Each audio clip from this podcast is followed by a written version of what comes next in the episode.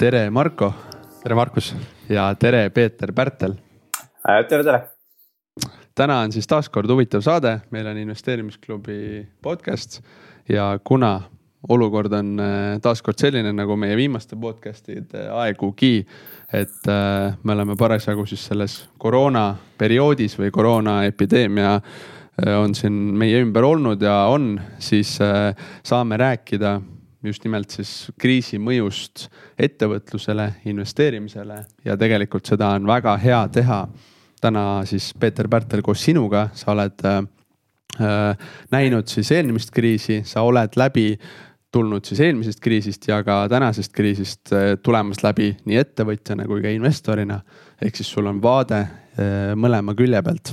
aga põgus äh, tutvustus sinu kohta, et nagu ma juba mainisin, sa oled ettevõtja ja investor, sealhulgas siis Cashflow lauamängu maaletooja sa oled kirjastanud eesti keelde mitmeid tuntud majandusraamatuid, sealhulgas Miljonäri kiirtee, ettevõtlusmüüt, kõik on väljamõeldav ja mitmed teised ja, ja lisaks oled sa ühtede populaarsemate kinnisvarakoolituste ja seminaride korraldaja ja läbiviija.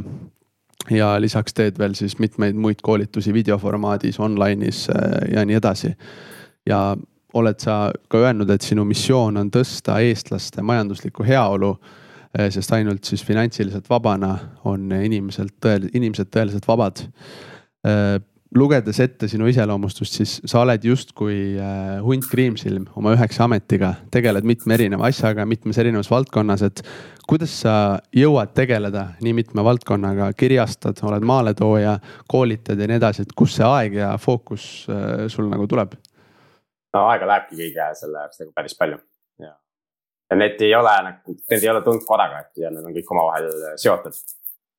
et näiteks kirjastamisesse ma jõudsin äh, puhtalt sellepärast, et üks minu, ma ei tea, õpetajatest või eeskujudest ütles kunagi, et äh, müü aega, võimenda toodet. ehk et äh, koolitustega ja konsultatsioonidega ma müüsin oma aega ja, ja kunagi ka raamatupidamisteenust pakkus, pakkudes ja ka siis oli küsimus, et midagi võiks nagu inimestele juurde pakkuda, mis neile kasulik oleks ja siis sealt jõudsin kirjastamiseni, et see cashflow lauamängu meil oli endal vaja, et mängida. ja siis kõik need raamatud, mida ma olen välja toonud, need on siis põhiliselt ettevõtlusega seotud, et, et aidata inimestel äh, kiiremini ja rohkem teenida ja süstemaatilisemalt ja nii edasi aga et, et sinu, et me saaksime ettevõtlusest investeerimisest tänases kontekstis ja võib-olla ka eelmise majanduskriisi kontekstis rohkem rääkida. on tegelikult oluline ka mõista seda taustsüsteemi, et kust sa tuled, milline on sinu kogu mõttemaailm ettevõtluse investeerimise osas, nii et ma võib-olla tulekski teemadega kohe nüüd läheks aastaid tagasi ehk et sinu ettevõtlusteekonna algusesse, et, et räägi, kust sul tuli see impulss või mõte, et peaks hakkama ettevõtjaks äh, ja, ja, ja invest-, investeerimisega tegelema, et kuna see investeerimine sinna juurde tuli või, või kumb enne oli, et räägi natuke sellest. et ettevõtlus tegelikult, noh, ma olen näinud nagu kõrvalt enda isa, kes üheksakümne kuuendal aastal, tuhat üheksasada üheksakümmend kuus siis äh, hakkas ettevõtjaks, aga aga mitte siis vabatahtlikult, vaid ta on nihuke, keda võib nimetada sundettevõtjaks. et äh, lihtsalt see töökoht äh, kadus, kadus ära ja ta oli nagu osakonna juhataja ja see oli ainuke võimalus selle sama tegevusega jätkata, oli siis, siis enda ettevõttega alustada. ja ja üheksakümmend kuus, noh põhjus seal oli, oli ka nihuke hästi huvitav, et paljud teist teavad seda maakritorni täna, eks ju, et, et maakri üheksateist kakskümmend üks kuulus sihukesele ettevõttele nagu Agrolinda. ja siis üks kuritegelik jõuk võttis selle ettevõtte üle, et see kinnistu sealt ühe krooniga ära müüa. ja minu isa oli siis Agrolinda ühe osakonna siis juht. ja siis see ettevõte nagu peale kinnisvaramüüki nagu lakkas eksisteerimast. aga see, see on niuksed kuritegelikud üheksakümnendad Mm -hmm. aga ettevõtlus ja ma nägin seda kõike kõrvalt, et selles suhtes väikse lapsena on nagu hästi meeles, kuidas äh, revolver ühes käes, padrunid teises käes, tüübid ringi käisid majas ja, ja, ja arutasid asja. aga jah, on parajasti nähtused, aga sealt edasi ma nägin nagu seda ettevõtlust kõrvalt ja siis mu ema oli nagu piisavalt tark, et äh, suunata mind niisugusesse kohta nagu Kanutaja noortemajas oli ärikool. ja Kersti Jansen oli seal õpetaja, kes seda läbi viis ja ma käisin seal ärikoolis nagu päris mitmeid aastaid ja seal me tegime mänguettevõtted, meil oli seal mängurahad ja nii edasi, et, et siis sai sihukest äh, mängu, mänguettevõtluse kogemust äh, päris hästi, aga ja, ja see algus oli nagu hirmutav, aga lõppkokkuvõttes mulle meeldis ja, ja sealt edasi nagu oli, on minu jaoks olnud nagu loomulik tee, et, et ettevõtlusega alustada. ja päris esimene, ütleme nihuke ettevõte oli see, et me pakkusime kodulehe majutust. ja mina olin siis viisteist ja mul sõber oli kolmteist. et kui keegi kusagil kodulehte hoiab täna, te ostate see unistada, aga siis millegipärast osa ettevõtteid ostsid kolmeteist ja viieteist aastase tüübi käest seda teenust. ja tol ajal oli see normaalne, täna nagu sihukest asja nagu no way, eks ju. aga ja, ja siis sealt edasi tuli igasugu erinevaid ettevõtteid, et, et see nagu mingi hetk vajus ära siis äh, mingi hetk ma müüsin tulekustuteid, sealt sain päris palju häid õppetunde, et kui sa müüd täpselt sama asja, mida kõik teised müüvad.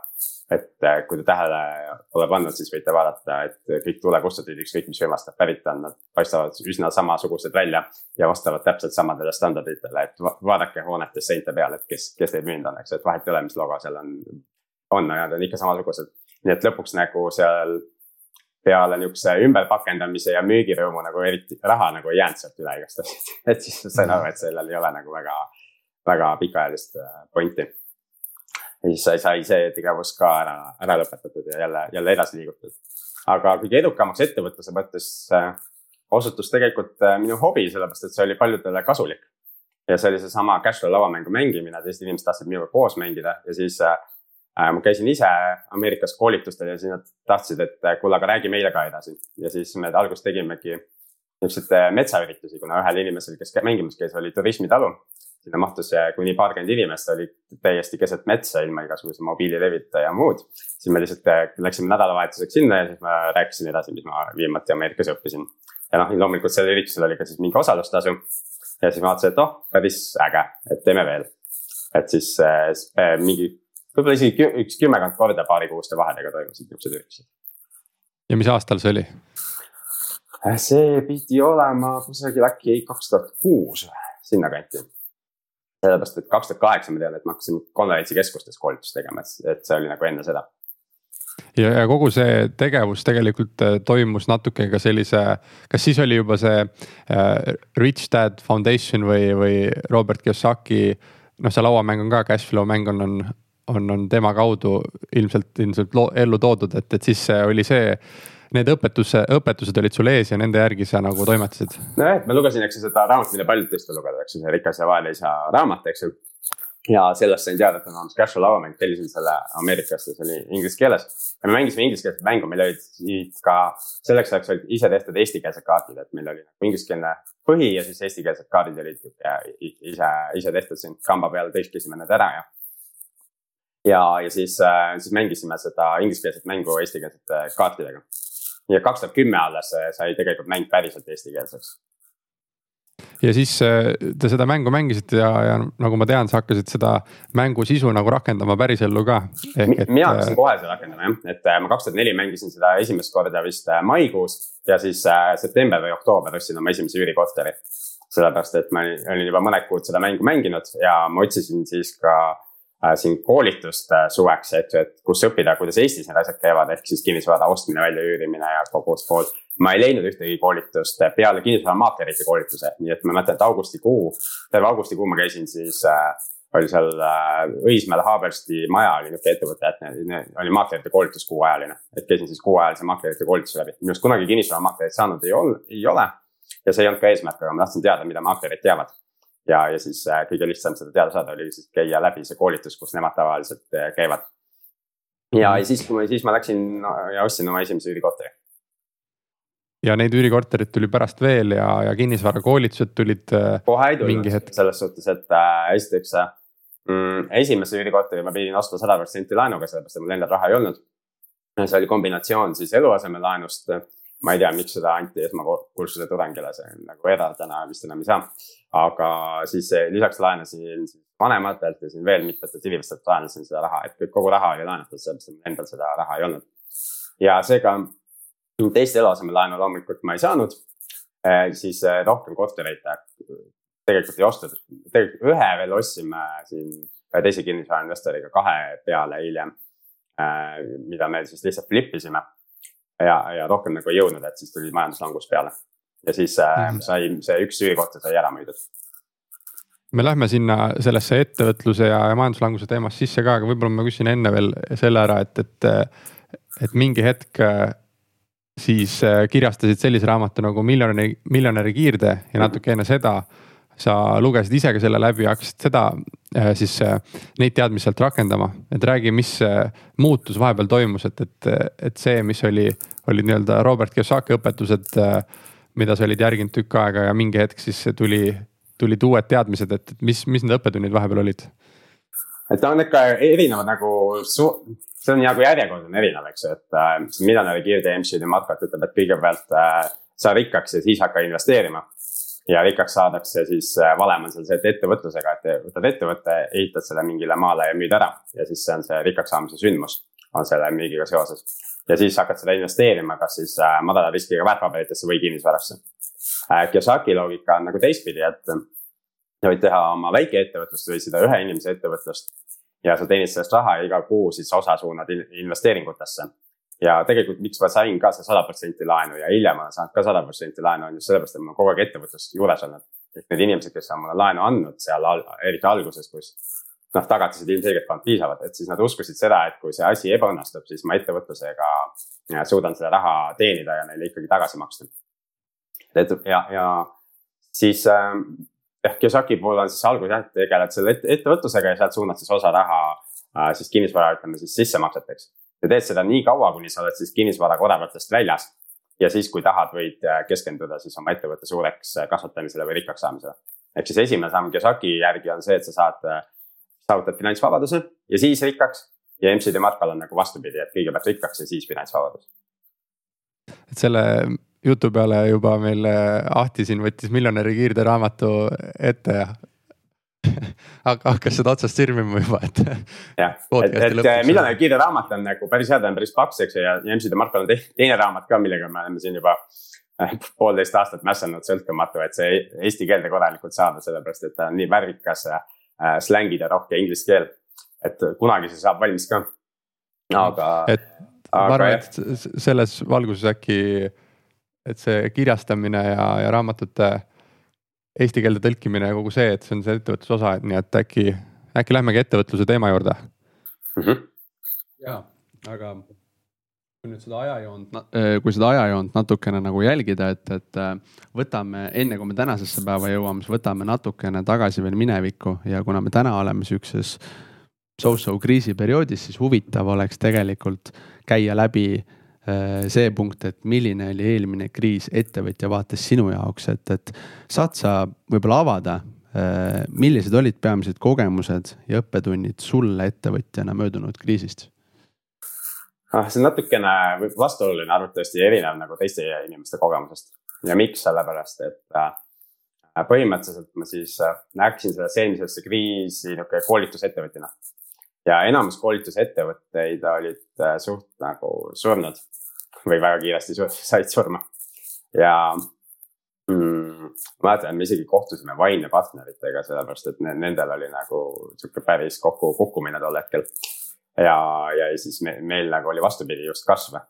et siis äh, tahtsid teada, mis toimub, aga äh, kõige suurem erinevus on see, et enamus koolitusettevõtteid siis äh, koolitab ettevõtete töötajaid ja selleks äh, koolituste eest maksjaks on ettevõte. ja üks esimesi asju, mida niisuguses kriisiolukorras juhtub, on see, et ettevõtted tõmbavad oma koolituseelarve nulli. see ja milleks koolitada inimesi, kui me ei teagi, kas me neid kahe päeva, kuu pärast veel on tööl või, või me koondame nad ära. Ja, ja näiteks Vaino Varto tol ajal ka, miks nad oma, neil vist mingi kümneid müügiinimesi nagu ja pidid kõik nad koondama, sellepärast et lihtsalt ei olnud ettevõtteid, kes tahaks koolitusi osta aga sealt sündis väga palju häid asju, nagu me teame, Pipedrive näiteks täna, eks ju, et muidu võib-olla poleks ilma selle sündmuseta sündinud. aga mis me, mida mina olen kogu aeg teinud, on see, et finantskirjaoskust ikkagi omandavad inimesed endale. Ja ma ei saa nagu ettevõtetele seda koolitust müüa, sellepärast et äh, mu koolituste põhisisu on see, et äh, lõpeta palgatööl käimine ja hakka ettevõtjaks millegipärast tööandjad ei taha osta seda koolitust enda, enda ettevõtte töötajatele või kui nad ostaksid, siis tekiks nagu sihuke kahtlane küsimus, et äh, kas sa hakkad mind koondama või et miks sa mulle lased sihukest juttu rääkida. et, et selles suhtes on ma alati müünud nagu otse inimestele, et isegi kui inimesed ostavad ettevõttele, siis nad ostavad enda ettevõttele seda. Ja, ja selle tõttu see nii eelmine kriis kui ka nüüd see kriis, ma näen seda, et meil on müük kasvanud ja kohe on kasvanud seekord isegi siin. no isegi võib öelda hüppeliselt on kasvanud müük et äh, kohe kriisiolukorras nagu huvi finantskirjaoskuse raha teemade vastu nagu kasvab nagu väga palju väga kiiresti. ma arvan, et olete ise ka kogenud seda, et praegu on, on huviliste arv järs-, järsult äh, suurenenud võrreldes siis äh, heade aegadega, kus kõigil on niigi raha, mida kulutada see on äh, väga äge või sihukene huvitav äh, Äh, huvitav seos, et ma tegelikult ei osanud nagu arvata, et, et sellel sihuke mõju võib olla, aga seda on hea teada. aga lisaks äh, nüüd sellele, et, et siis sa oled äh, suunanud oma toote või oma koolitused just nimelt siis lõpptarbijale või noh, eraisikule, mitte ettevõtetele. millised on need lisapõhimõtted või, või alused, millele sa oma tänased ettevõtmised oled rajanud? et üks hästi oluline asi on see, et äh, võib-olla siin raamatutes käib ka see läbi ja, ja, ja osa, tegelikult tehakse päris palju koolitusi, et a la äh,. hakka ettevõtjaks ja tee seda, mis sulle meeldib ja, ja, ja järgne oma kirele ja nii edasi. et noh, nagu miljonäri kirjades tegelikult kirjas oli, et see on jama, et, et see on tee hukatusse, see on tee vaesusesse. et ja miks, sellepärast et väga harva see, mis sulle meeldib, ühildub sellega, mida teistel vaja on.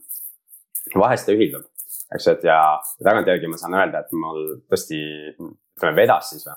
et äh, see, mis oli minu kirg ja huvi, et see, see oli nagu teiste vajadus ka. seesama, et ma tahtsin Cashflow mängust aru saada, siis mul oli vaja teisi inimesi, kellega seda mängida ja teised inimesed tahtsid ka õppida ja mängida seda mängu ja siis õppida neid, neid teadmisi. ehk, ehk äh, selle edukuse taga on ikkagi see, et see ühildus sellega, mida teistel vaja on. ja üks asi on, mida on veel välja toodud, toodud, äh, eks ju raamatutest, eks on see, et äh, Steve Jobsi ütlus on olnud see, et järgne oma kirele. ja, ja, ja muudes ettevõtluseks, eks ju, aga seal on, kui vaadatakse tema elulugu, siis öeldakse, et kõigepealt ta sai edukaks ja siis ta hakkas ütlema, et, äh, et seda lauset, eks ju, ehk siis tema kirg oli see, millest ta oli edukaks saanud juba. mitte vastupidi, et mul on kirg ja siis püüan sellega kõigest jõust kuidagi edukaks saada. et neid asju nagu ei tasu tasu segamini ajada ja kui neid aetakse segamini, siis me tegelikult näeme hästi palju äh, inimesi üle maailma, aga ka Eestis, eks ju, kes teevad, ma ei tea, mingit käsitööd, kes teevad mingit muud asja, eks ju, nad ei, kunagi ei õpi turundama, müüma. ja, ja siis nad virelevad ja virelevad ja virelevad, eks ju, et ei, ei jõua nagu kaugele. et see, siin seda teed nagu ei tasu minna, et tasub mõelda, et, et kellele ma asja teen ja, ja millist asja ma teen ja millist probleemi see aitab lahendada. ja ma lugesin hästi head võrdlust, mis äh, sobib nagu sellesse kriisi konteksti. et äh, kui meil on head ajad, et siis me äh, mõtleme selle peale, kuidas saaks pakkuda inimestele midagi, mis aitab nende elu veel paremaks teha. aga täna, kui me oleme kriisis, siis peaks küsima, et kas see, mida sa pakud, on valuvaigisti. ja kui see ei ole valuvaigisti, siis peaks mõtlema, et kuidas see ümber kujundada niimoodi, et see oleks valuvaigisti. sest põhimõtteliselt igasugu kuidas elu, ilusat elu ilusamaks teha, eks ju, kõik need äh, nende asjade järgi nõudlus väheneb, et praegu müüb ainult valuvaigistid. ja, ja nii otseses mõttes müüvad valuvaigistid, eks ju, et me teame, et meil on apteekides täna piirangud, et üle kahe paki korraga osta ei saa, aga ettevõtluses ka, et ma pean aitama kiiresti nagu inimeste kas rahaprobleeme lahendada või siis mingit muud probleemi lahendada. ja meie koolitused seda teevad, et selles suhtes on, on siin nagu see kattuvus äh, olemas ja sellepärast äh, vastu ka huvi tuntakse Äh, mul on see küsimus äh, nüüd selle kohta, et sa rääkisid nüüd, et eelmises kriisis sa olid nii-öelda koolitusettevõtja. Äh, kes sa nüüd oled ja, ja mis, mis vahepeal, mis sa, mis erinevad ettevõtluse vormid sa oled läbi proovinud?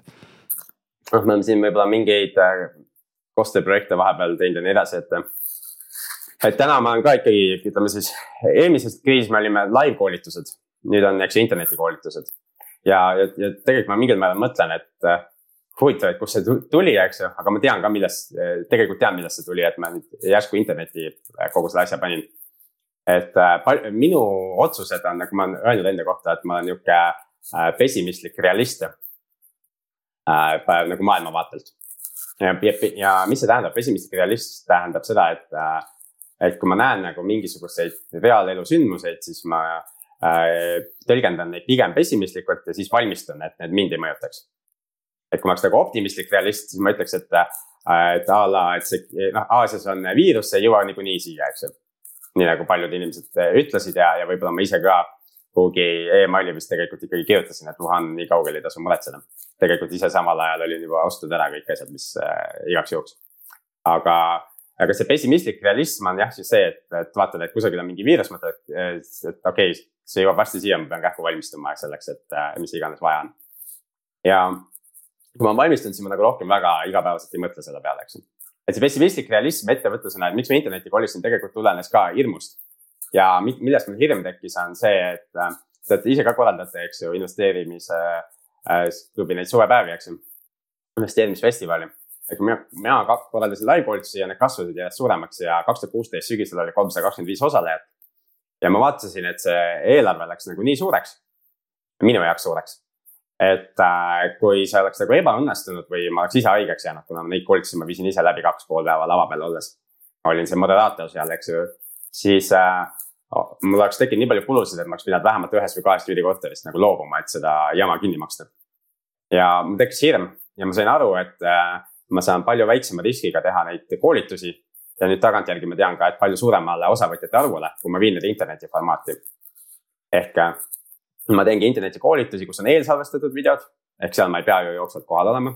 ja siin meil on äh, igakuised äh, videokõned olid siiamaani, nüüd kriisiga seoses me muutsime need iganädalaseks.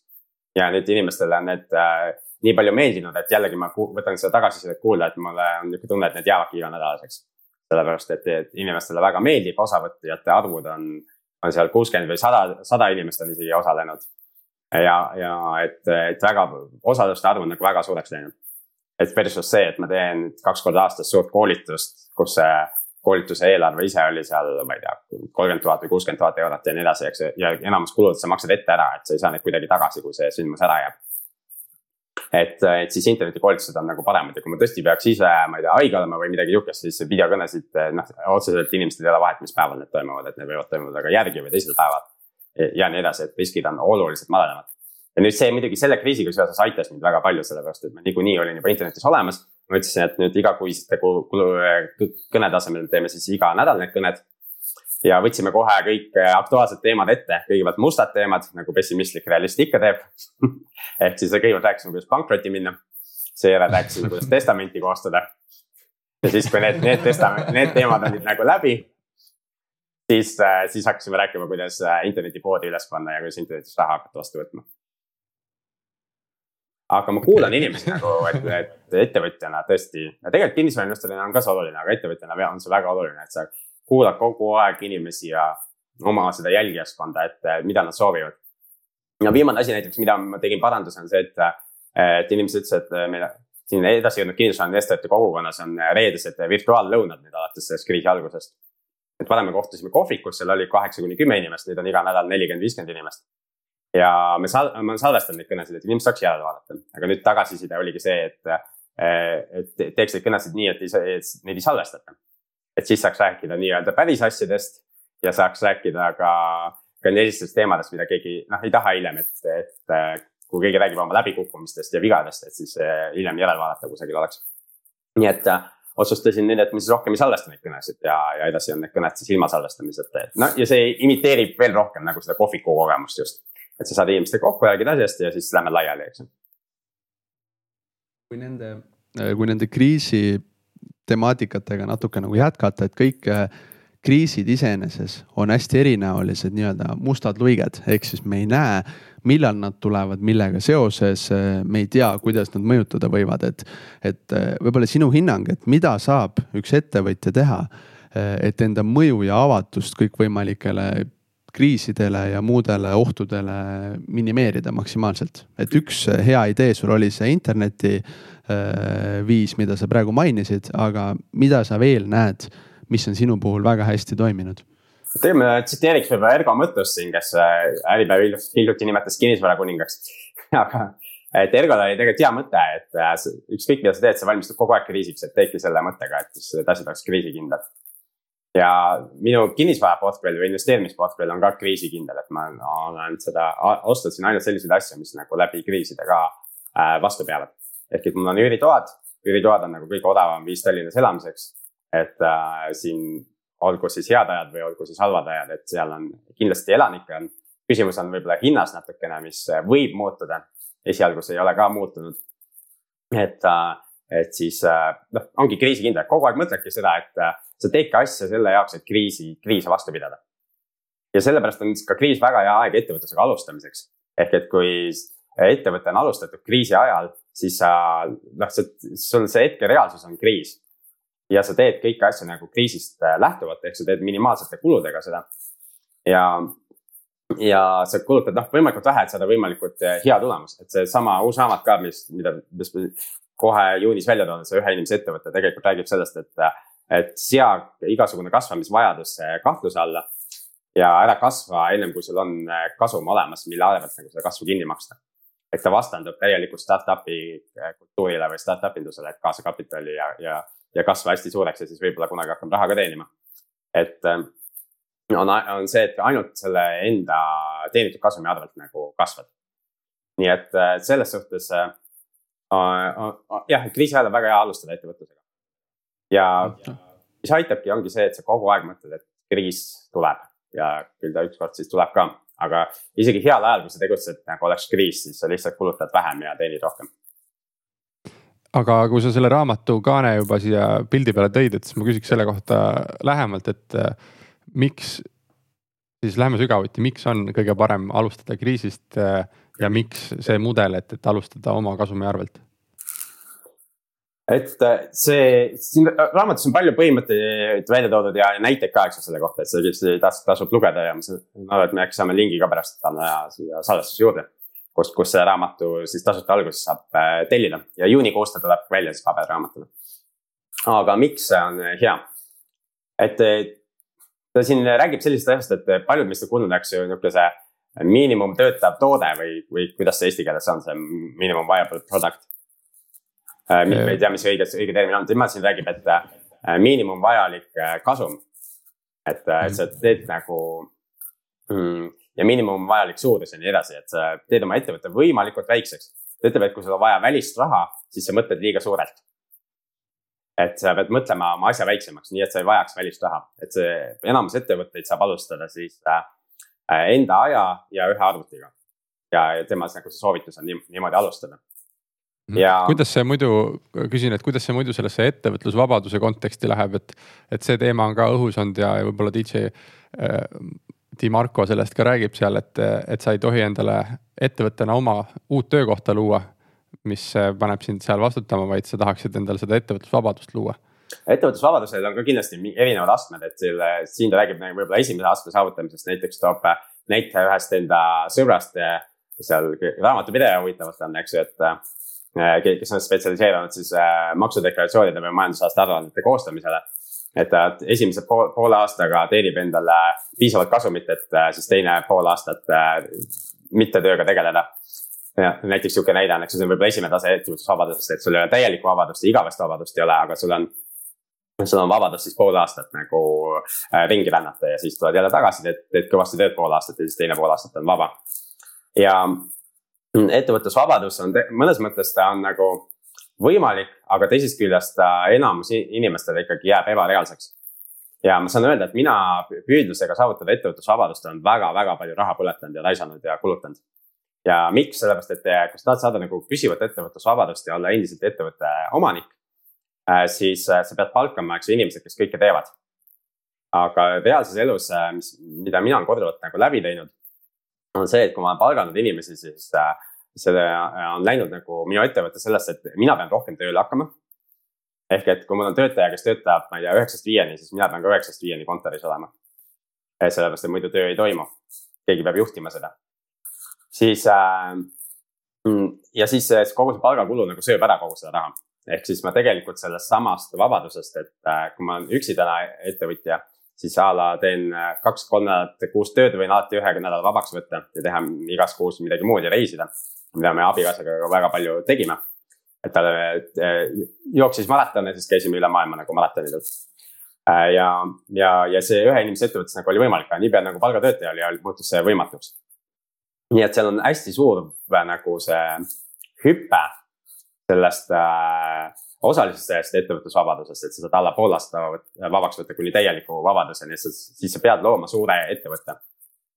ja, aga samas ühe inimese ettevõtte filosoofia nagu ei, ei välista seda, et ta toob näiteks näite MailChimp, mida paljud kasutavad, eks ju, mailiturunduses. et ta on samast filosoofiast lähtuvalt, et äh, kasvatatud, et äh, ainult äh, tekkinud kasumi arvelt nagu äh, kasutatakse seda edasi. et sellest võib väga suur ettevõte kasvada, aga see filosoofia ütleb seda siis, et see ei kaasa väliskapitali. et sa kasvad siis olemasoleva kasumi arvelt ja alati sead selle kasvu kahtluse alla ja kasvad ainult siis, kui see vajadus tuleneb klientidest ja kui tõesti, kui mitte kuidagi muud moodi enam ei saa. et kui enam ei aita see, et näiteks, mida ma täna teen, mis mulle nagu palju rohkem sobib, on see, et ma palkan teisi ühe inimese ettevõtteid nii kirjastuses kui ka koolituste puhul. ja ma palkan neid projektipõhiselt, ehk kui mul on vaja, siis ma, siis ma maksan neile kas siis tunnitasu või tükitasu ja nad teevad minu jaoks midagi. aga mul ei ole kohustust garanteerida neile kogu aeg tööd.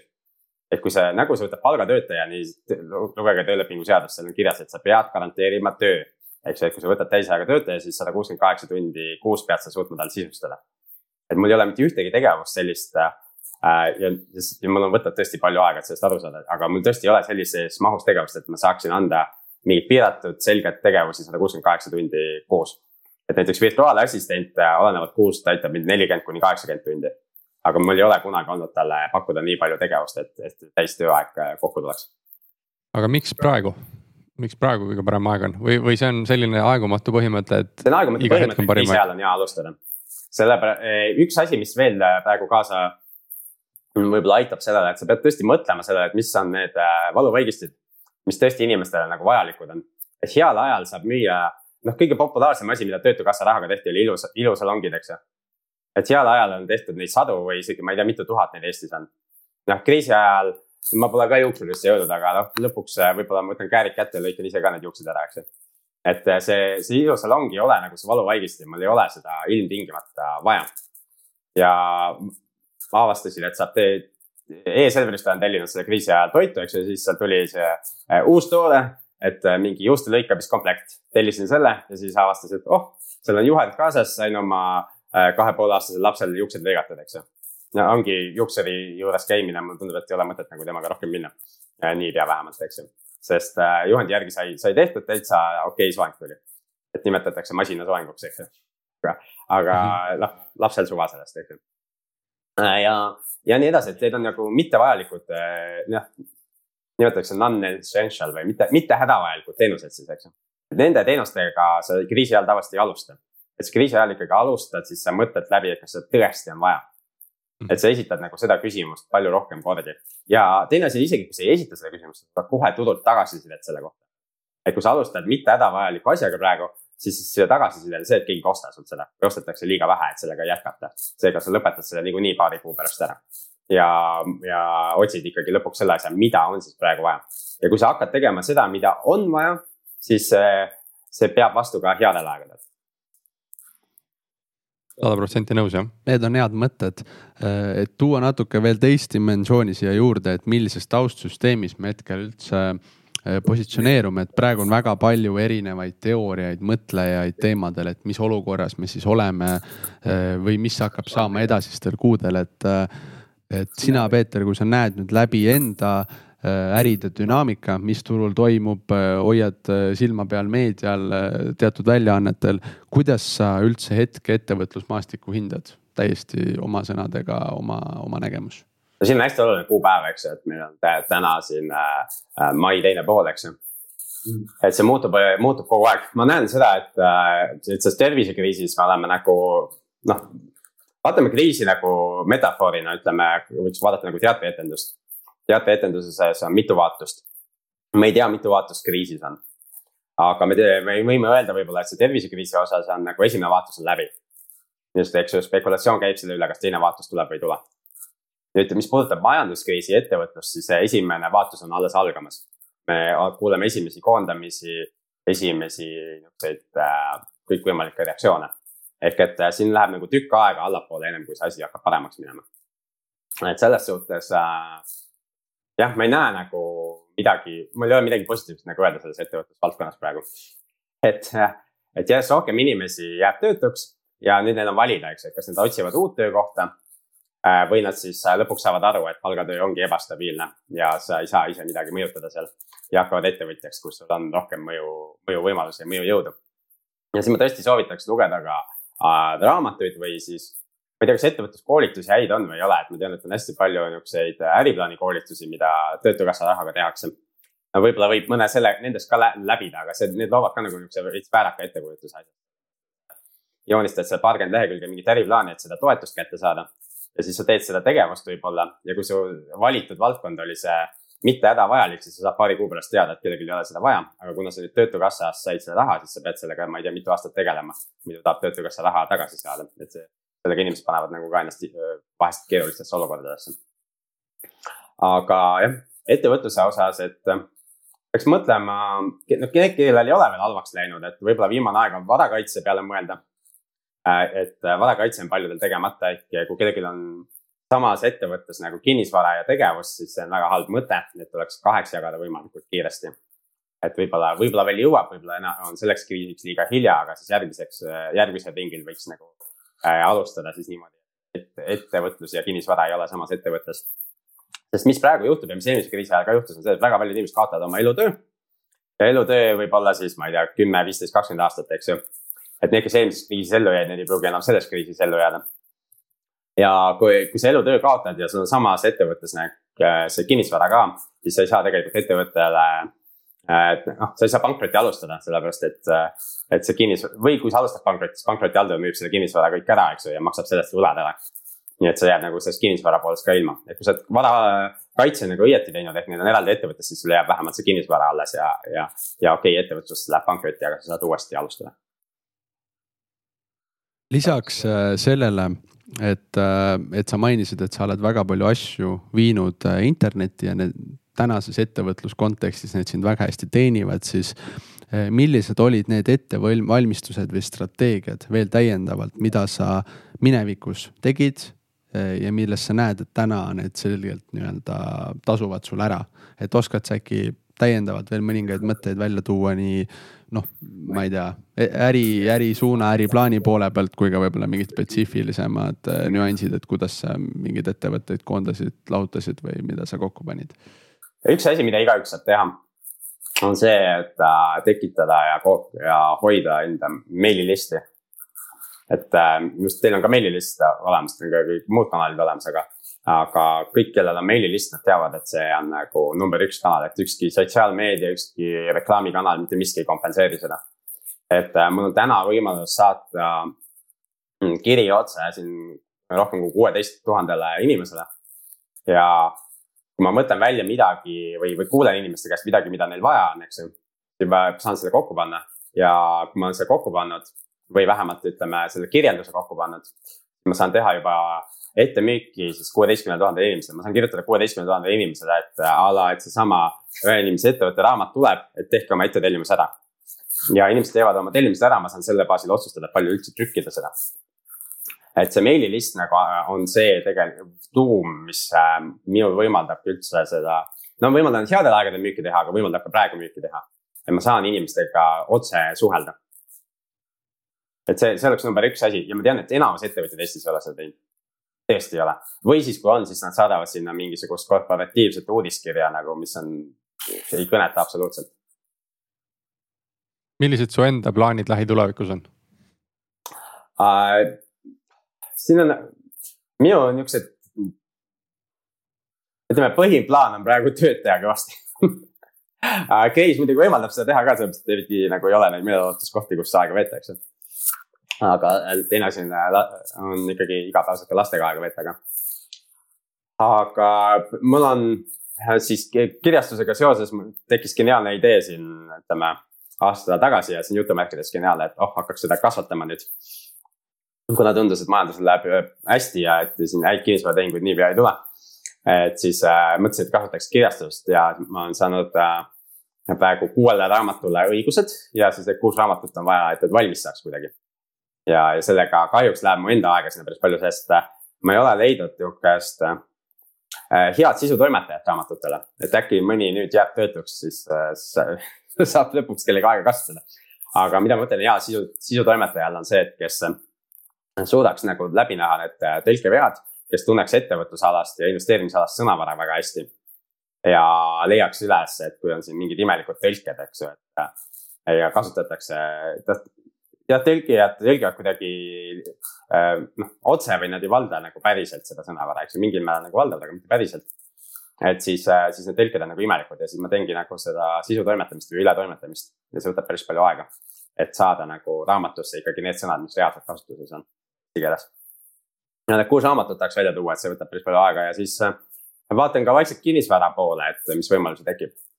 et ta, kuna kinnisvara osas minul on hästi pikk plaan, et see oli vist üks asi ka, millest me enne mõtlesime, et võiks rääkida. et ähm, mina ei ole, ma teinud oma elus mõned flipid, ehk siis see, et ostad, renoveerid, müüd. aga mulle ei sobi see ja mulle ei meeldi see, sellepärast et ma tavaliselt ei ole suutnud osta nagu piisavalt hea hinnaga, et see flip äh, nii kiiresti ära tasuks ennast. et äh, need üürikorterid ka, mis mul praegu on, ma vist arvatavasti kõigi eest liiga palju maksnud, aga siis äh, turg on tõusnud. ja, ja siis tagantjärgi tundub geenius aga tol hetkel nagu, kui ma ostsin, siis äh, oli päris loll tehing. Et äh, noh, ja tagantjärgi a la, et kui ma ütlen, et mul on siin äh, Sikupilli kvartalis, eks ju, korterid, mis on äh, peale renoveerimist kuluga tuhat eurot ruutmeeter, siis see tundub nagu päris geniaalne. Aga tol hetkel nagu oleks võinud veel odavamalt seda teha ja mõned suutsid teha veel odavamalt. aga pikk plaan on siis olnud see, et eks ju ma mõtlen, et kui, kui, kui see pikk plaan nagu ei realiseeru, et siis on küll midagi valesti läinud, et pikk plaan on siis see, et esimeses majandustsüklis ostsin ühe üürikorteri ja müüsin selle ära, eks ju. ja teises majandustsüklis ma olen omandanud neli üürikorterit, et on siis kaks tubadega ja kaks kahetoalist. nüüd siin kolmanda selle niisuguse, ma arvan, et see tsüklid on umbes kümneaastased. et siis kolmanda tsükli lõpus võiks siis noh, kümnekordne kasv oleks nagu päris mõistlik, et võiks olla nelikümmend siis selle järgmise tsükli lõpuks. et siis, siis ma oleks nagu rahul selle, selle tulemusega nii et siit peab jälle vaatama nagu, et kuidas see nelikümmend tulla võiks. Ja kusjuures see kinnisvara valdkond on tegelikult sihuke asi, et kus sihuke lina- äh,, on see lineaarne või, või kuidas see hokikepi graafikut nimetatakse, et äh,. eksponentsiaalne. eksponentsiaalne jah, eksponentsiaalne kasv on nagu täiesti reaalne ja võimalik. sellepärast, et äh, see vundamendi omandamiseks läheb nagu väga palju aega ja minu meelest mina olen ainult tegelenud siiamaani vundamendi omandamisega. ja kui sa omandad selle vundamendi ära, siis Äh, vähemalt kogenenumad investorid räägivad, et kortermaja omandamine ja haldamine ei ole eriti keerulisem kui üksiku korteri omandamine ja haldamine. pigem on seal psühholoogilised tõrked, mida peab enda peas nagu ületama. nii et, et järgmine ikkagi asi võiks olla kortermaja või mingi suuremat, suurema arvu ühikute korraga omandamine. ja selleks ma olen ettevalmistusi teinud, me siin edasi jõudnud kinnisvarainvestorite kogukonnas ka õpime, kuidas teha investori esitlusi et äh, hakata raha kaasama, sellepärast et tegelikult Eesti väärtpaberituru seadus lubab äh, küsida siis äh, kõik, ükskõik millist, kas ettevõtte osalusi müügiks või ka kinnisvaraprojektideks, et kaks, kuni kaks pool miljonit võib avalikult küsida kõigi inimeste käest. et seda eriti ei kasutata, siis ma nüüd torgin inimesi enda kogukonnas, et hakkaks kasutama seda. ja siis koos siin õpime, kuidas esitlusi teha. järgmine asi on, kuidas need lepingud tekivad et siis selle majandustsükli käigus nagu võiks, võiks tulla neid projekte. Peetril on suured plaanid. et ilmselt, ilmselt Peeter ise on nendega juba ära harjunud. üks samm nagu edasi sellest, mis siiani tehtud on, et see, et ei ole nagu, ta ei ole nagu nihuke äh, utoopia valdkonda minev enam no see oleneb jah sinu ettevalmistusest ja teadmistest, et, et igal eluhetkel on nagu need plaanid tunduvad nagu reaalsemad, on ju aga, aga kui see, kui me juba siia kinnisvara juurde läksime, siis nagu sa mainisid äh, sellesse äh, nii-öelda tsüklisse või praegusesse faasi sa oled siis tulnud äh, äh, nagu ma aru sain, nelja või viie nelja äh, korteriga, nelja üürikorteriga. et see on see, millega sise, sisenesid äh, ja, ja sa otsid siis aktiivselt, et, et leida seda kortermaja projekti või, või kasvõi mingit hea hinnaga nagu. mingit suure, mingit suuremat projekti jah et see ei pea olema ilmtingimata kortermaja, võib ka olla tegelikult äh, mõni ärimaja või, või mingi muu otstarbega projekt ka mm. -hmm. mis, mis on sellised õppetunnid, mida sa kriisidest oled nagu kinnisvara mõttes kaasa võtnud? no peab, projekt peab kriisikindel olema, ehk et kui ma vaatan ka mingit asja, siis ma ei lähe täna büroohoonet, ma ei taha ostma minna, sellepärast et mulle tundub, et selle tervisekriisi tõttu nagu büroosid läheb oluliselt vähem vaja et väga paljud inimesed, ettevõtted avastavad, et kodukontoris on täitsa okei okay töötaja. pluss see, et kui ko inimesed koondatakse, siis äh,, siis samamoodi ei ole nii palju büroopinda vaja, et me seal ennustaks küll väga suurt vakantsust varsti. aga mingid muud otstarbed äkki, äkki võiksid olla, et ma näiteks USA projektidest, millega ma ise ei ole tegelenud, aga, aga eakate kodud eks ju, praegu me küll kuuleme nendest tervisekriisi valguses nagu veits negatiivsesse, eks ju, et kui koroona sinna sisse saab, siis, siis vabaneb kohti natuke liiga kiiresti ja liiga palju aga põhimõtteliselt eakate arv suureneb pidevalt ja ma tegelikult lugesin uudistest just käis läbi, et, et äh, ollakse hädas, et kuna tervisekriisi ajal ei ole eakate kodud nagu eakaid vastu võtnud, et siis on mega järjekorrad igal pool. nii et eakate kodusid on kindlasti juurde vaja. et see võib olla üks, üks nagu täiesti arvestatav tegevusvaldkond, kui keegi tunneb ennast kodus selles valdkonnas.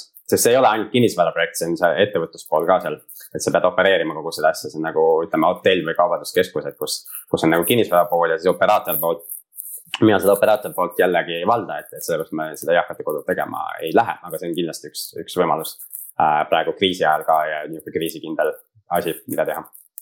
millised on veel mõned äh, nüansid, mida peab siis äh, praeguste tehingute juures jälgima peale selle trendi, et mis võiks olla nagu tuleviku teema? no sinu küsimus on selles, et kas oodata nüüd äh, kinnisvarahindade langust või mitte oodata. et on erinevaid arvamusi, et kas äh, see deflatsioon nagu realiseerub nii nagu eelmise kriisi ajal või siis äh, me läheme kohe üle kiiresse inflatsiooni. ja mina ei tea, kummal tegelikult õigus on, et, et mõlemaks peaks siis valmistuma. et see kriis on keerulisem oluliselt kui eelmine, et eelmises oli nagu selge, et kõigepealt on, on see deflatsioon ehk varahindade vä väärtuse vähenemine. Ja, ja siis, äh, siis hakkab see asi ta, äh, nii-öelda taastuma uuesti ülesmäge ronima äh,. siis äh, seekord ei ole see nagu nii selge, et mis juhtub. ma lugesin ka hiljaaegu ühte niisugust hoiatust või soovitust, et samas kohas, kus ma sain teada, et koroonakriis on tulemas. Äh, et Chris Martinsoni videosid võib vaadata siis Youtube'is ka. ta teeb seal koroonakriisi nagu igapäevaselt ülevaateid üle maailma, et seal on väga palju olulist või noh, väga hea infoallikas on see uh,. Peak Prosperity, Chris Martinson otsib, et jääb üles, jääb üles aga tem, seal oli ta, tema tasulisel jälgijaskonnal oli tal hoiatus, et et äh, USA-s on vähemalt äh, rahatrükk olnud nagu väga kiire. ja ma arvan, et te teate rohkem seda, eks ju, et väärtpaberite poolt ma väga ei jälgi, aga ma saan aru, et tänu no sellele on ka aktsiahinnad tõusnud. see on nagu väga jabur majanduslanguse ajal. et äh, siis, siis nende soovitus oli seal või mitte soovit-, nad ütlesid, et see ei ole soovitus, aga see, mida nad ise teevad. et mis nad ise nüüd tegema hakkasid, oli see, et nad te, äh, on hoidnud rahavaru, et siis oodata kinnisvarahindade langust ja osta kinnisvara. aga kuna nii suur rahatrükk on siis nad otsustasid enda rahaga teha seda, et iga kuu võtavad kümme protsenti vabast rahast. ma ei tea, kui palju see on, eks ju, aga, aga arvatavasti me räägime seal kümnetest või sadadest tuhandetest ja ostavad selle eest füüsilist hõbedat. et iga kuu võtavad jälle kümme protsenti vabast rahast, noh iga kuu on järjest vähem seda vaba raha, eks ju. Siis jaostavad jälle füüsilist hõbedat selle eest.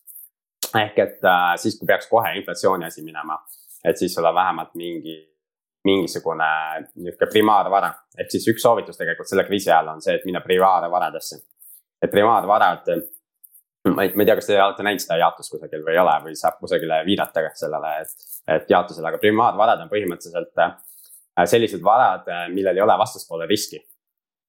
et äh, näiteks maa, sul ei ole vastaspoole riski, et keegi teine tuleb ja ma ei tea, võtab sealt selle maa ära, et see, kui sul laenu seal ei ole, eks ju, siis äh,, siis ongi, noh, see ongi sinu oma. siis äh, Äh, primaarvarad või põhimõtteliselt on ka kinnisvara ilma laenuta.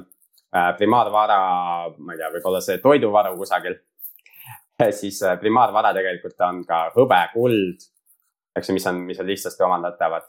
Ühesõnaga kõik nihuke füüsiline vara, mida sa saad nagu kusagil hoida ah,. kusagil oli ka, et muuseumi kvaliteediga maalid, aga noh, siis sa pead teadma jälle, mida sa teed ja nii edasi.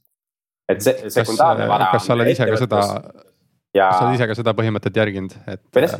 et kas sa oled ise ka seda põhimõtet järginud, et, et mingit füüsilist äh, metalli osta või siis äh, milliseid primaarvarasid sa oled nagu? no kinnis, kinnisvara on mul suhteliselt laenuvaba juba ja järgmise, üks laen saab septembris läbi. Ja, ja teine saab kahe aasta pärast läbi, et siin mul on te, tegelikult kinnisvara täiesti laenuvaba. teen neli üürikorterit siis. et mhm. praegu tegelikult nendest üürikorteritest ainult kahel on üldse mingi hüpoteek peal, et. et noh, see on nagu ütleme minu äh, primaarvara ja, ja oluline aru saada, mis on sekundaarvarad ja, ja, ja siis on kolmanda järgu varad. et enamus tehinguid käib kolmanda järgu varades tegelikult ja kui on kriis, siis kolmanda järgu varad kukuvad kokku.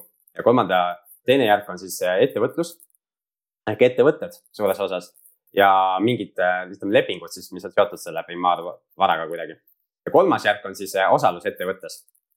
ehk et kui keegi kaupleb aktsiatega, siis ta kaupleb tegelikult see kolmanda järgu varadega ja kolmanda järgu varad on nagu finantsvarad nendel on nagu kõige lihtsam see väärtuse kadumine toimuma ja kõige kiirem väärtuse kadu toimuma, toimuma, et tavaliselt ikkagi kriisiolukorras see, et kolmanda järgu varad noh, ütleme aeg kokku, eks ju, aeg kokku ei tähenda seda, et kõigi väärtus muutub nulliks, aga see tähendab seda, et väärtus võib oluliselt väheneda, näiteks. või siin ma olen lugenud ka neid spekulatsioone, et, et oodatakse kaheksakümne protsendist langust ja nii edasi. kolmanda järgu varades just mm. -hmm. mis, mis peaks siis äh, investor, kuidas veel oma portfelli nii-öelda kriisikindlaks äh, muuta, et millised need tegevused, strateegiad on? no hetkel. minu meelest, kui sa teed seda selle primaarvaradesse, siis sa nagu väga palju mõõda panna ei saa. ehk et mm, -hmm. Et see tegelikult, mis USA börsidel toimub, ma saan aru, et aktsiahinnad on üleval, et siis see on väga viimane aeg nii-öelda jalga lasta sealt. ja ma saan aru, et tark investorid seda teevad ka, et kui me tegelikult loeme ka uudistest, siis äh, suured fondihaldurid äh,, päris mitmed on nagu äh, oma positsioonid likvideerinud ja ostnud kulda hõbedat sinna fondi hoopis, et. et tegelikult äh, ütleme, tark investor nagu tegutseb sellel teemal, eks ju, et mida, mis, kes ei tegutse selles suunas, on siis äh, ma ei tea, vastan on siis loll investor või, et et siis jaeinvestorid, eks ju, endiselt arvavad, et oo, hinnad kasvavad, ma lähen ostan sealt midagi et see on nagu see mm,. Inglise keeles on igasugu nimetusi, aga see on see nihuke viimane see tolmuimeja sissetõmbamine, et tõmbame kõik, kõik äh, naiivsed ka kaasa veel, eks ju. et äh, ennem kui kogu, kogu asi nagu kokku kukub, et, et minu, mulle tundub, et see on praegu nagu see faas aga ma võin eksida loomulikult, eks, et asi võib minna hüperinflatsiooni ja nii edasi, aga siis primaarvarad lähevad ka kallimaks, et. et kui sa nagu sealt kolmanda järgu varadest tuled primaarvaradesse, et siis, siis saad ikkagi kasvust osa mm. -hmm just, kas on mingid äh, maksunüansid ka, mida peaks jälgima, mida saab praegu hästi ära kasutada hmm.? ettevõtluse või investeerimise valdkonnas? jah, et kogu see, noh, see ei ole praegu, eks ju, aga üldiselt, eks ju, miks üldse ettevõtlus ja, ja investeerimine nagu mõlemad olulised on, on. või miks passiivne tulu on hästi oluline investeerimise juures. mida, mis on näiteks üüritulu või üüritulu näiteks on passiivne tulu äh, või ka dividenditulu, aga aga dividenditulu praegu on nagu kahtlane värk, sellepärast et ettevõte, mis on siiamaani dividende maksnud, ei pruugi seda teha enam. aga seal vahe on selles, et kui mina olen ettevõtja, eks ju, ja ma saan aktiivset tulu, siis meil on olemas äh, Maksu- ja Tolliameti lehel niisugune juhend, mis ütleb seda, et ma peaksin sellest äh,, ma ei tea, suurema osa või päris arvestatava osa maksma endale palgaks äh,. sellepärast, et ma, see on aktiivselt teenitud ettevõttes. ja kui ma maksan seda dividendideks, siis äh, maksuametil on õigus tulla ja öelda, et äh, et kvalifitseerime selle ümber ja maksan lihtsalt sotsiaalmakse ja muud maksud ka juurde. aga kui ma selle aktiivse vara eest, äh, raha eest ostan siis kinnisvara ja kinnisvara üürin välja äh, või siia siis saan üüritulu või ka kui ma ostan kinnisvara ja saan ja müün see kallimalt edasi, saan kapitali kasvu tulu, siis neid mõlemad loetakse passiivseks tuluks. ja kui ma nende arvelt maksan dividende, siis ka maksuameti juhendis on selgelt öeldud, et äh, seal ei ole midagi ümber kvalifitseerida, et siis ongi kõik okei okay,, et ma maksan ainult tulumaksu ja, ja saan selle raha füüsilise isikuna endale. et äh, mina ikkagi püüan maksta dividende sihukese passiivse tulu arvelt, et, äh, et siin ei oleks millegi üle vaielda. aga nüüd on siin see koht, nagu sa enne rääkisid, et, et tuleks äh, teha need ettevõtted nii-öelda riskikindlaks, on ju, et kui sa ühes ettevõttes teenid aktiivset tulu ja varad peaksid olema teises, et kuidas seda lahendada? näiteks seesama, kus ma siin praegu olen, eks ju, on minu ettevõtte kontor, eks ju, et see on üks sellest neljast üürikontorist, see kuulub minu ühele ettevõttele ja minu koolitusettevõte kasutab seda kontorit ja on siin siis äh,, kuidas seda nimetatakse, ankurrentlik jah, ehk siis maksab üüri siis teisele ettevõttele sellest, et, et need ongi hajutatud, et koolitusfirma maksab iga kuu siis korralikku üüri selle eest äh,. selle kontori kasutamise eest ja, ja kinnisvarafirmas mingisugust muud tegevust peale kinnisvara ei toimu kuidas alguses see kapital nii-öelda sinna teise firma äh, nii-öelda iduks saada, et, et see kinnisvara ost näiteks ära teha? jah, et see on võib-olla, võib-olla kõige, kõige keerulisem on see, see alustamise pool, aga noh. paljud meist on alustanud, eks ju, sada protsenti laenuga, mida ma täna ei saa soovitada, eks ju, et see äh,. üks asi on veel, et laenamine peaks olema vastastsükliline. mida see tähendab, see tähendab seda, et äh, kui majanduses on halvad ajad ja kriisi põhi on kätte jõuab kunagi, meil ei ole veel kriisi põhjal lähedalgi veel. aga kui me jõuame nüüd kriisi põhja, äh, siis see on see aeg, kus on okei okay võtta sajaprotsendist laenu ja sellepärast, et majandus hakkab jälle taastuma ja sul järjest lihtsamaks muutub see laenu maksmine. aga kui me olime siin nagu buumi ajal, äh, siis ei tohiks laenu võtta või peaks laenukoormust vähendama. ja, ja, ja isegi kui, kui tahta nagu päris kriisikindlaks oma portfelli teha, siis äh, peaks laenukoormus jõudma nulli lõpuks. no enam-vähem minul ongi ta jõudmas nulli. Et et see on nihuke vastastsükliline, ma tean, et päris, päris palju ja palju rohkem tegutsetakse niimoodi, et seal augus ei julge midagi teha ja siis, kui on buum, siis lähed ja laenad nagu all in, eks ju, et. võtad nii palju laenu, kui vähegi saab, aga noh, see ongi pankrotivalem ka. et, et neid pankrotte, ma arvan, et me näeme veel. aga jah, et siis, siis alguses ütleme, et alustad sa kriisiaugust, siis äh, laenad raha sinna, et mina laenasin alguses eraisikutelt raha. Äh, ja laenasin enda sellesse kinnisvaraettevõttesse. Ja siis ostsin korteri, renoveerisin seda ja siis üürisin selle välja ja siis kuskil kuus kuud hiljem läksin siis panka refinantseerima. et siis kuidagi niimoodi sai alguse ja teine asi on võib-olla veel, mida tasub teha, mida ma tean, et on see vastumeelne, aga võib-olla saab sellest aktiivsest ettevõttest siis kas maksta palka või dividende. ja sa maksad need maksud ära ja siis sa paned selle raha äh, sinna kinnisvarafirmasse kapitaliks. Ja see lihtsalt see, see ja sa võtad selle maksude maksmise hinna, sa võtad, et see on see kindlustuspoliisi, see on selle varakaitse hind. et ma maksan äh, maksud ära, ma saan selle füüsilise isiku tasandil selle raha ja siis panen teise ettevõttesse selle ja hakkan seal kasvatama seda et kui, et jah, et niimoodi saab see vundamendi sinna, et äh, ma ei, ma ütlen, et ühest küljest on nagu õige ja vajalik enda maksukoormust minimeerida, sellepärast et see mõjutab väga palju investeerimistootlust. aga on momente, kus tasub äh, maksta makse ja on momente, kus tasub ennetavalt makse maksta. et äh, üks, üks hetk näiteks, mis oli siin alles hiljuti, eks ju, kui see äh, tulumaksuvaba süsteem muutus. et äh, mida mina tegin, oli see, et ma maksin vana, siis kui vana süsteem veel kehtis, ma maksin põhimõtteliselt oma ettevõtete vaba raha kõik dividendideks ära et vaatasin, et, et peaks jätkuma umbes viieks aastaks, noh, nii palju ei jätku, aga, aga, aga maksin sisuliselt siis dividendideks ära vana süsteemi järgi. Ja siis olen saanud nüüd viimased aastad siis äh, kasutada näiteks seda kuue tuhandest maksuvabastust. kuna mu tulud on siis äh, jooksvalt väga väikesed. nii et neliteist tuhat nelisada olen hoidnud seal teadlikult nagu sinna, et aastas rohkem ei teeni praegu aga ma sain seda, mu kulud on rohkem kui neliteist tuhat nelisada aastas, aga ma sain seda teha, kuna ma maksin ennetavalt maksud ära ja võtsin ennetavalt selle raha välja vana süsteemi ajal. ehk kui maksusüsteem muutub, siis võib vahest olla mõistlik ka ette maksta makse. No siit tuli selliseid eh, kuldpärle, et. jah, see on, peab. Neid peab mitu korda kuulama, et tihti ongi see, et äh, peame panema siin Peetri jutu kõrvale siia need bullet'id kohe jooksma, et üks, kaks, kolm. väljavõtteriigid ah,. sellega seoses mul tuleb veel üks asi meelde, et kui ma võin, võin jagada veel seda, et mul on edasi olnud kinnisvara investorite kogukonnaga liitunud mitmeid algajaid investoreid. ja üks äh, algaja investor äh, kirjutas mulle, et ta kuulas neid äh, videokõnesid, eks ju, et mis meil kolmapäeviti nädala sees toimuvad ja reedel need virtuaalkohvikud. ütles, et tead, et et ma nüüd liitusin ja ma neid kuulan, aga et, et see jutt on mulle nii üle pea, et ma ei saa sellest mitte midagi aru. et kas ma peaksin edasi liikmeks jääma või mitte. ja selle kohta on nagu see, kui ma, mina hakkasin Ameerikas koolitustel käima, eks ju, Kiyosaki koolitustel alguses ja hiljem real estate guy'si koolitustel ja, ja nii edasi äh,. siis äh, ma äh, esimestel koolitustel ei saanud ka suurt midagi aru, et mul oli kaks, kaks takistust oli, et üks asi, et äh, keelega oli probleeme. Aga teine takistus oli see, et ma nendest kontseptsioonidest ei saanud aru. Need tundusid nii võõrad ja imelikud. ja, aga ma läksin uuesti, teinekord ma sain natuke rohkem aru, aa, seda ma olen juba kuulnud, okei. Okay., aa, siin on need nüansid ka veel. siis ma läksin kolmas kord, aa, okei. Okay,, nüüd ma juba saan rohkem aru, aa, veel on nüansse siin.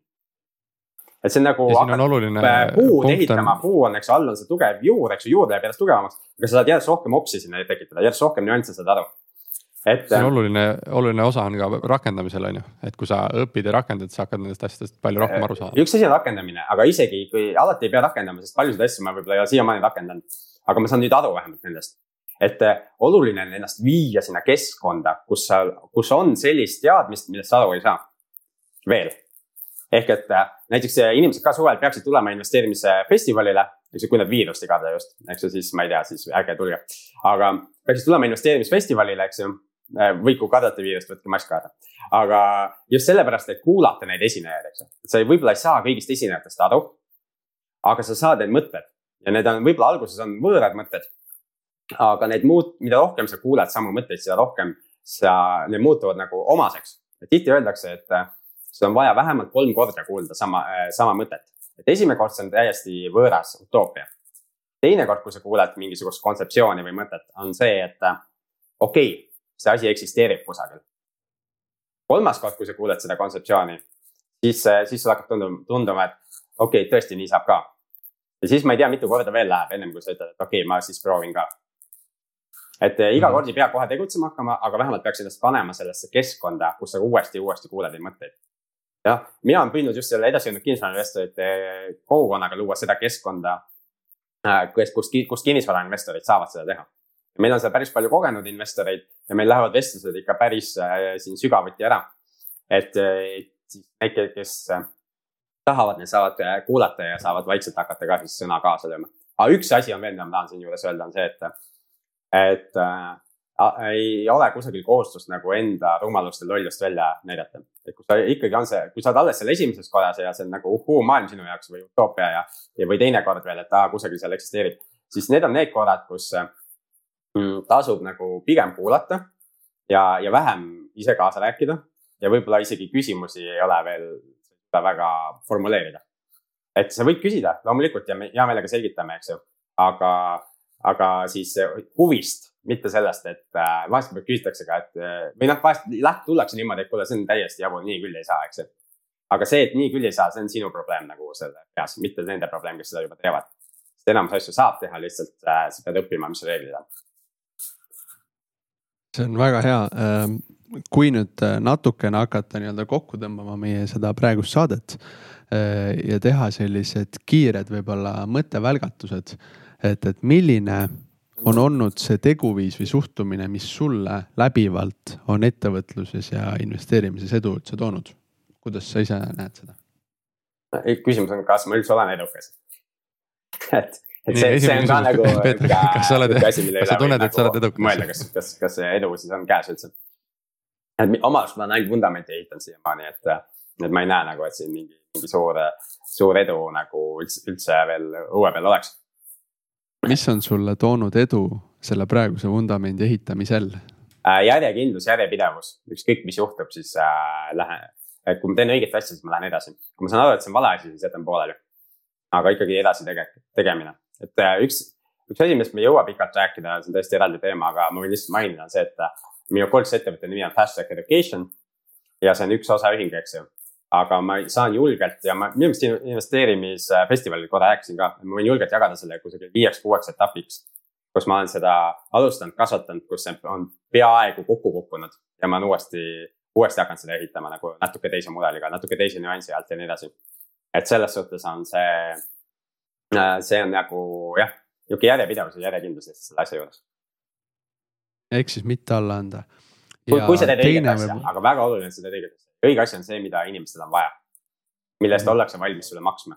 õige asi mm. ei ole see, et mul on missioon kogu maailma paremaks muuta, mulle inimesed vahest kirjutavad ka, mul on hull missioon maailma paremaks muuta, et. et kas sa laseks mul esineda kuskil või ma ei tea. mis sa ise teinud oled? ei, ma ei ole veel midagi teinud, mul on missioon, ma tahan maailma paremaks muuta.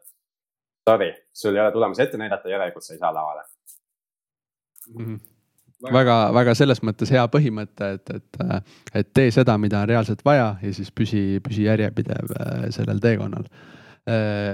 Äh, praeguses olukorras eriti, aga üleüldiselt äh, oluline on info kvaliteet ja see inforuum, milles sa viibid, et.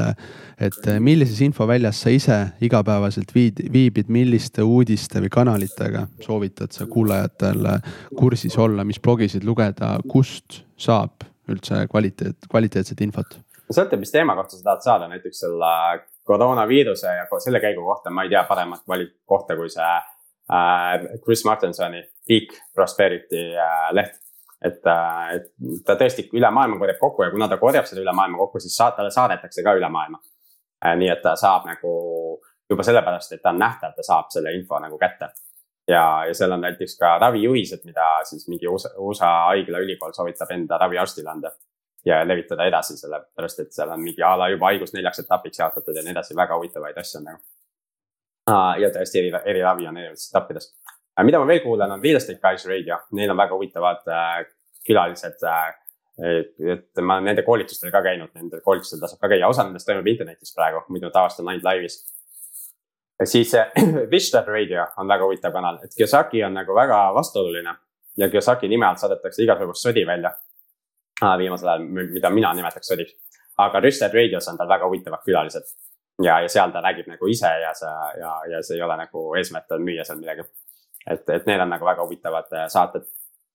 no mõtlen, mida, mida ma veel kuulan ah,. kes tahab Eesti eluga kursis saada, siis äh, mind tekkis uudishimu ja, ja siis ma lõpuks hakkasin kuulama, et see on nagu nihuke vastuoluline kanal, aga, aga EKRE juhid teevad äh, iga pühapäev oma seda raadiosaadet, et räägime asjast ja see on podcast'ina olemas, ma tõmbasin selle ka endale ja hakkasin seda ka kuulama iga pühapäev, püüan kohe ära kuulata, et mida nad räägivad, sellepärast et see niikuinii on uudistes pärast, kõik vahendavad ja kirjutavad sellest saatest. ma mõtlesin, et ma siis kuulan otse, otse algallikast. et, et räägivad tõesti otse ja asjast, eks ju, aga noh, me ei pea nõustuma sellega, aga me vähemalt kuuleme nagu, mis äh, Eesti, Eesti riigis nii-öelda parasjagu toimub ja mida siis valitsuse äh, tasandil nagu, nagu mõeldakse et minu meelest võiksid teised erakonnad samamoodi seda teha, et võib-olla kui mõni poliitik hakkab vaatama, siis minge ja rääkige oma erakonna juhtkonnaga, et ja, täitsa huviga kuulaks ju ka seda võib-olla, mis on Reformierakonna juhil öelda. Ja võib-olla isegi sotse kuulaks, kuigi eks nende maailmavaade on minuga vastu, vastupidine, aga. aga ikka võiks kuulata või Keskerakonda ja Isamaa, Isamaad või IRL-i ja, et kõiki neid võiks kuulata, kui neil oleks nihuke lühike konkreetne saade, kus, kus nad siis räägivad oma, oma maailmavaatest, et saaks aru nagu, mis siis, mis siis toimub ja mõtlen, mis veel infokanalid on, ma vaatan AK uudiseid. et seal on ikkagi ka mingi, mingi kokkuvõte nagu päevast. ja ERR-i uudised on ka tegelikult, et kui AK uudiseid ei jõua vaadata, et siis saab ERR, uudised ERR saab kiire, kiire ülevaate ka, mis siis äh,, mis siis äh, toimumas äh, on. ja selles suhtes ongi huvitav, et, et, et need kanalid nagu annavad erinevate nurkade alt ja kõik nimetavad teisi fake news et EKRE tüübid nimetavad ERR-i fake news'i ja ERR nimetab EKRE tüüpe fake news, nii et, et väga nihuke saabki erinevat, erinevat pilti kokku, et. et, et, et see ja, ja võib-olla on veel üks, ma ei tea, tõesti äh, tasub ka vaadata, kust see info pärit on, et hästi palju igasugust äh, spämmi ja valeinfot levib. ja, ja igasugu imelikke asju ja konspiratsiooniteooriaid ja mida kõike veel äh, levitatakse kõige kohta praegu ja, ja nendel on nagu hästi suur äh, nihuke kõlapind ka. et, et see, seda tasub ka vaadata, et, et need asjad ikkagi pärineksid nagu mingitest äh, kanalitest, kes teavad ka, mida nad räägivad, mitte lihtsalt välja ei mõtle mingeid jaburaid asju. Need on väga head soovitused ja infoallikad, aitäh sulle, Peeter, nende eest. Äh, viimase sõnana, kas on veel midagi, mida sa tahaks meie kuulajatele-vaatajatele rõhutada, öelda, välja tuua, soovitada, mõned viimased mõtted?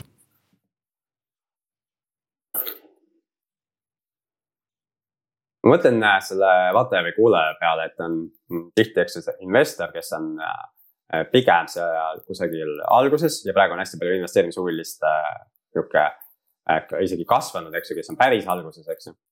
et mina praegu, ma ei tea, väärtpaberitest hoiaks eemale, ootaks ära teise kvartali tulemused, vaataks, kui palju ettevõtteid üldse alles jääb. et võib-olla mõni, mõni ettevõte kaob üldse ära ja ma mõtleks nagu väga selle oma sissetulekute mitmekesistamise peale. ja isegi kui sul on täna palgatöö alles, et siis ikkagi vaataks sinna ettevõtluse poole ka. et mida ma saaksin pakkuda teistele inimestele sellist väärtuslikku, mida neil on vaja ja, ja just, mis oleks valuvaigisti tänases olukorras. et äh, kelle, kellel vähegi niisuguseid oskuseid on, et siis, siis võiks nagu sinna, sinnapoole vaadata ja investeerimisega ei ole kuhugi kiiret, ma tahaks veel kord öelda, et ma tean küll, et on olemas liitintress, aga on olemas ka liitkulud ja, ja, ja on olemas need majanduse kokkukukkumised, mis nagu kõik ära, noh, pool ära hävitavad. ja alles hiljaaegu kuulsin ka inimestest, kes on vaata siin laenu andnud igasugu projektidesse, et, et siis päris osa laene täna ei tule tagasi, et siis isegi see on nagu muutunud veits ohtlikuks. et äh,, et vaadake, vaadake nagu ettevaatlikult äh,, pange nii-öelda varvas vette, aga ärge hüpake vette. et tundmatus kohas vette hüppamine lõpeb äh, ratastoolis või kuidas see ütlus on. Et, et ärge hüpake tundmatus kohas vette, et minge proovige kõigepealt varbaga ja, ja, ja siis, siis vaadake, vaadake edasi. nii et nihuke jah, pessimistlik realist minus ütleb, et ikkagi valmistuge hullemaks ja siis, kui seda hullemat ei tule, siis on ka okei okay olla. nii et äh, praegu on terve hulk asju, milleks võib valmistuda. et valmistuge mm. ära, siis on hea rahulik nagu edasi tegutseda. aitäh, Peeter, sinuga on alati hea rääkida panin ise päris palju kõrva teha, nii et eh, tuleb rakendama hakata. aitäh kutsumast. aitäh sulle